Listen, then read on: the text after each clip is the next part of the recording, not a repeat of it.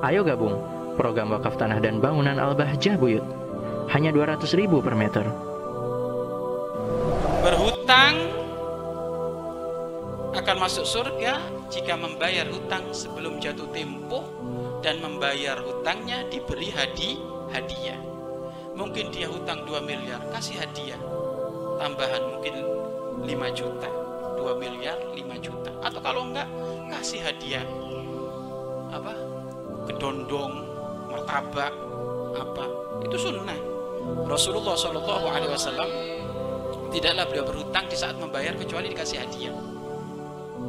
Namun kalau hadiah itu ditentukan kepada orang yang memberi hutang, maka jatuhnya ri, riba. Maka jatuhnya ri, riba. Kamu pinjam duit sama apa? Bah, pinjam duitnya apa 10 juta. Oh, 10 juta ya udah. Tapi tolong ya nanti kalau balikin tolong belikan bakso, riba. Ya, ri, riba. Kenapa?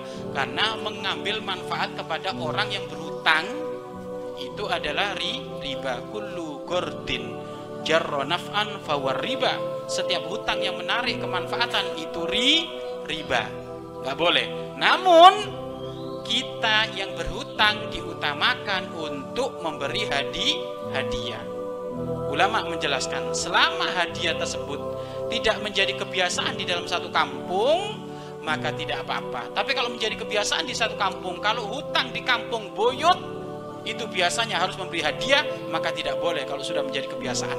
Itu jatuhnya seperti ri, riba. Mari berinfak untuk operasional lembaga pengembangan dakwah Bahjah Buyut.